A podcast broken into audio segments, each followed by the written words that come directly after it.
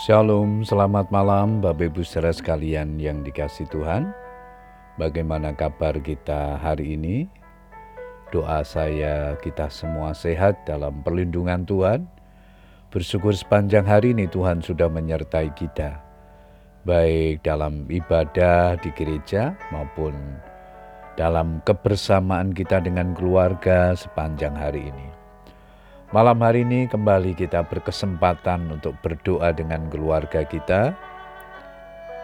Namun sebelum berdoa saya akan membagikan firman Tuhan yang malam hari ini diberikan tema memberi yang terbaik. Ayat mas kita di Markus pasal 12 ayat 44. Sebab mereka semua memberi dari kelimpahannya, tetapi janda ini memberi dari kekurangannya semua yang ada padanya, yaitu seluruh nafkahnya. Bapak Ibu saudara sekalian, ketika melihat seorang janda miskin memasukkan persembahan di kantong kolektor, mungkin ada orang yang berkata dalam hati, Ah persembahannya paling tak lebih dari seribu perak.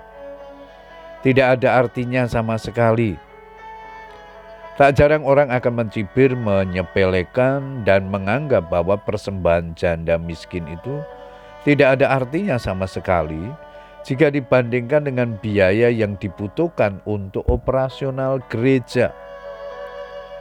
Berbeda jika orang kaya dengan penampilan yang perlente memasukkan persembahannya di kantong kolektor yang sama, pasti kita akan bergumam dalam hati.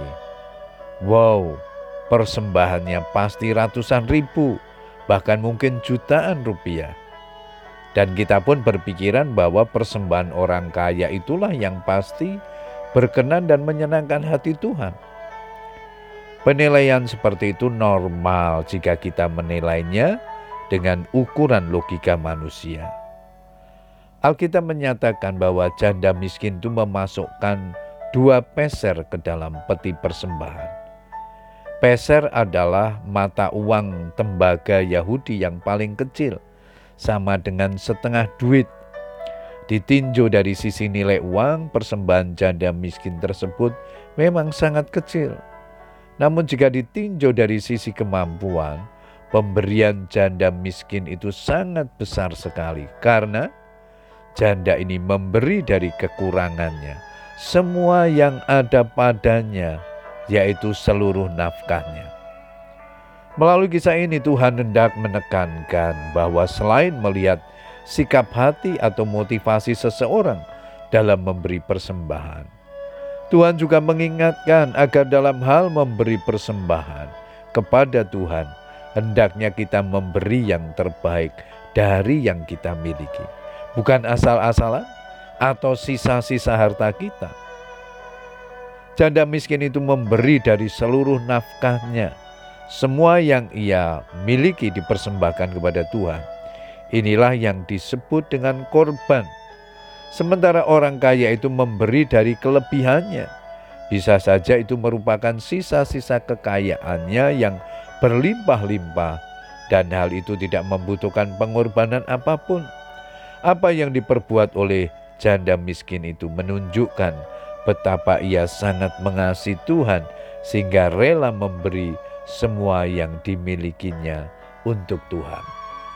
Bapak Ibu Saudara sekalian, berilah yang terbaik untuk Tuhan. Karena semua yang kita miliki itu berasal daripadanya.